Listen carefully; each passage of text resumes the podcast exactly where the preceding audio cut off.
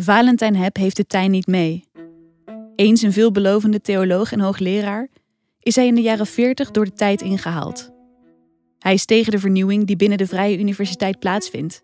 Hij wil dat alles bij het oude blijft. Vanuit zijn huis aan de Van Breestraat nummer 14 staart hij ongetwijfeld regelmatig uit het raam, zonder echt de straat of de huizen aan de overkant te zien. Hij vraagt zich af hoe het met zijn zoon gaat en of hij nog in leven is. Zijn zoon Johannes, die ooit aan een studie letteren begon, ook aan de VU, waar Valentijn Heb zelf hoogleraar is. Maar zijn zoon maakt zijn studie nooit af en meldt zich in 1941 bij de Waffen-SS. Hij vertrekt naar het Oostfront om aan de kant van het Duitse leger te vechten. Valentijn Heb is niet de enige VU-hoogleraar die bezorgd is om zijn zoon.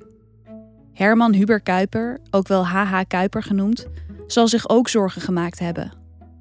H.H. Kuiper, hoogleraar theologie en zoon van de grote oprichter Abraham Kuiper, heeft zelf ook een zoon die zich voor het Oostfront meldt. Als oorlogsverslaggever bij het Duitse leger. Als je wil kun je, terwijl je doorluistert, alvast verder wandelen.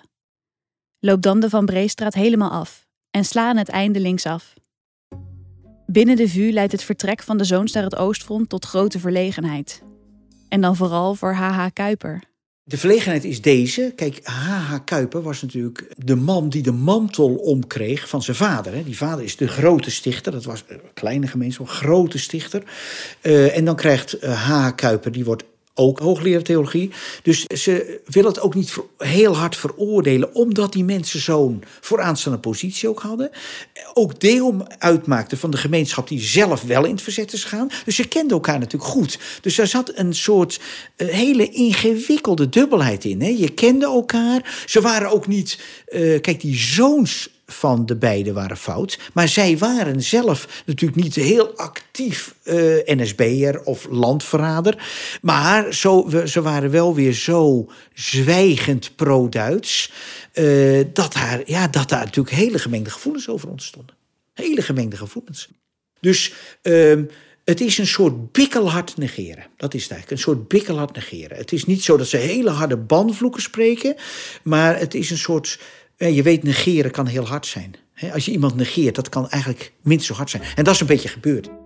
Hep en Kuiper zijn niet, zoals hun zoons, actief aan de zijde van de Duitsers. Maar ze proberen wel met het systeem mee te bewegen. H.H. Kuiper pleit voor berusting. De Duitse bezetting is nu eenmaal een feit.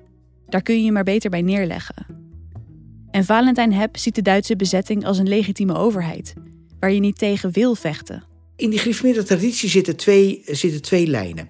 De ene lijn is, als de overheid onwettig is, dan is er een recht tot opstand. Dus als de overheid Gods geboden uh, overtreedt, dan is er recht tot opstand. De meeste gereformeerden die hebben allemaal het idee gehad: dit is een onwettige overheid, een totalitaire overheid, dan mag je het recht van opstand hebben. Maar die andere tendens is dat de overheid het, het zwaard niet te vergeefs draagt. En dat de overheid eigenlijk een godse overheid is. En die moet je eigenlijk in principe gehoorzamen.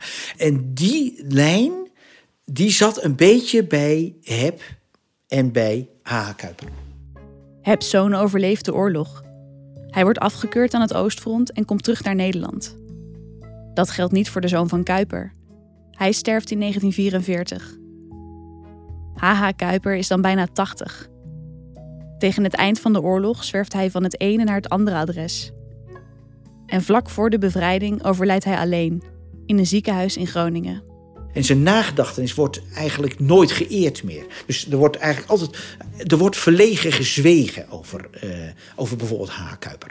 En, en Hep is eigenlijk ook bij Hep, is die sterft in 1950, augustus 1950. En daar, wordt, daar wordt eigenlijk ook, in zeker, hangt ook een soort verlegenheid omheen.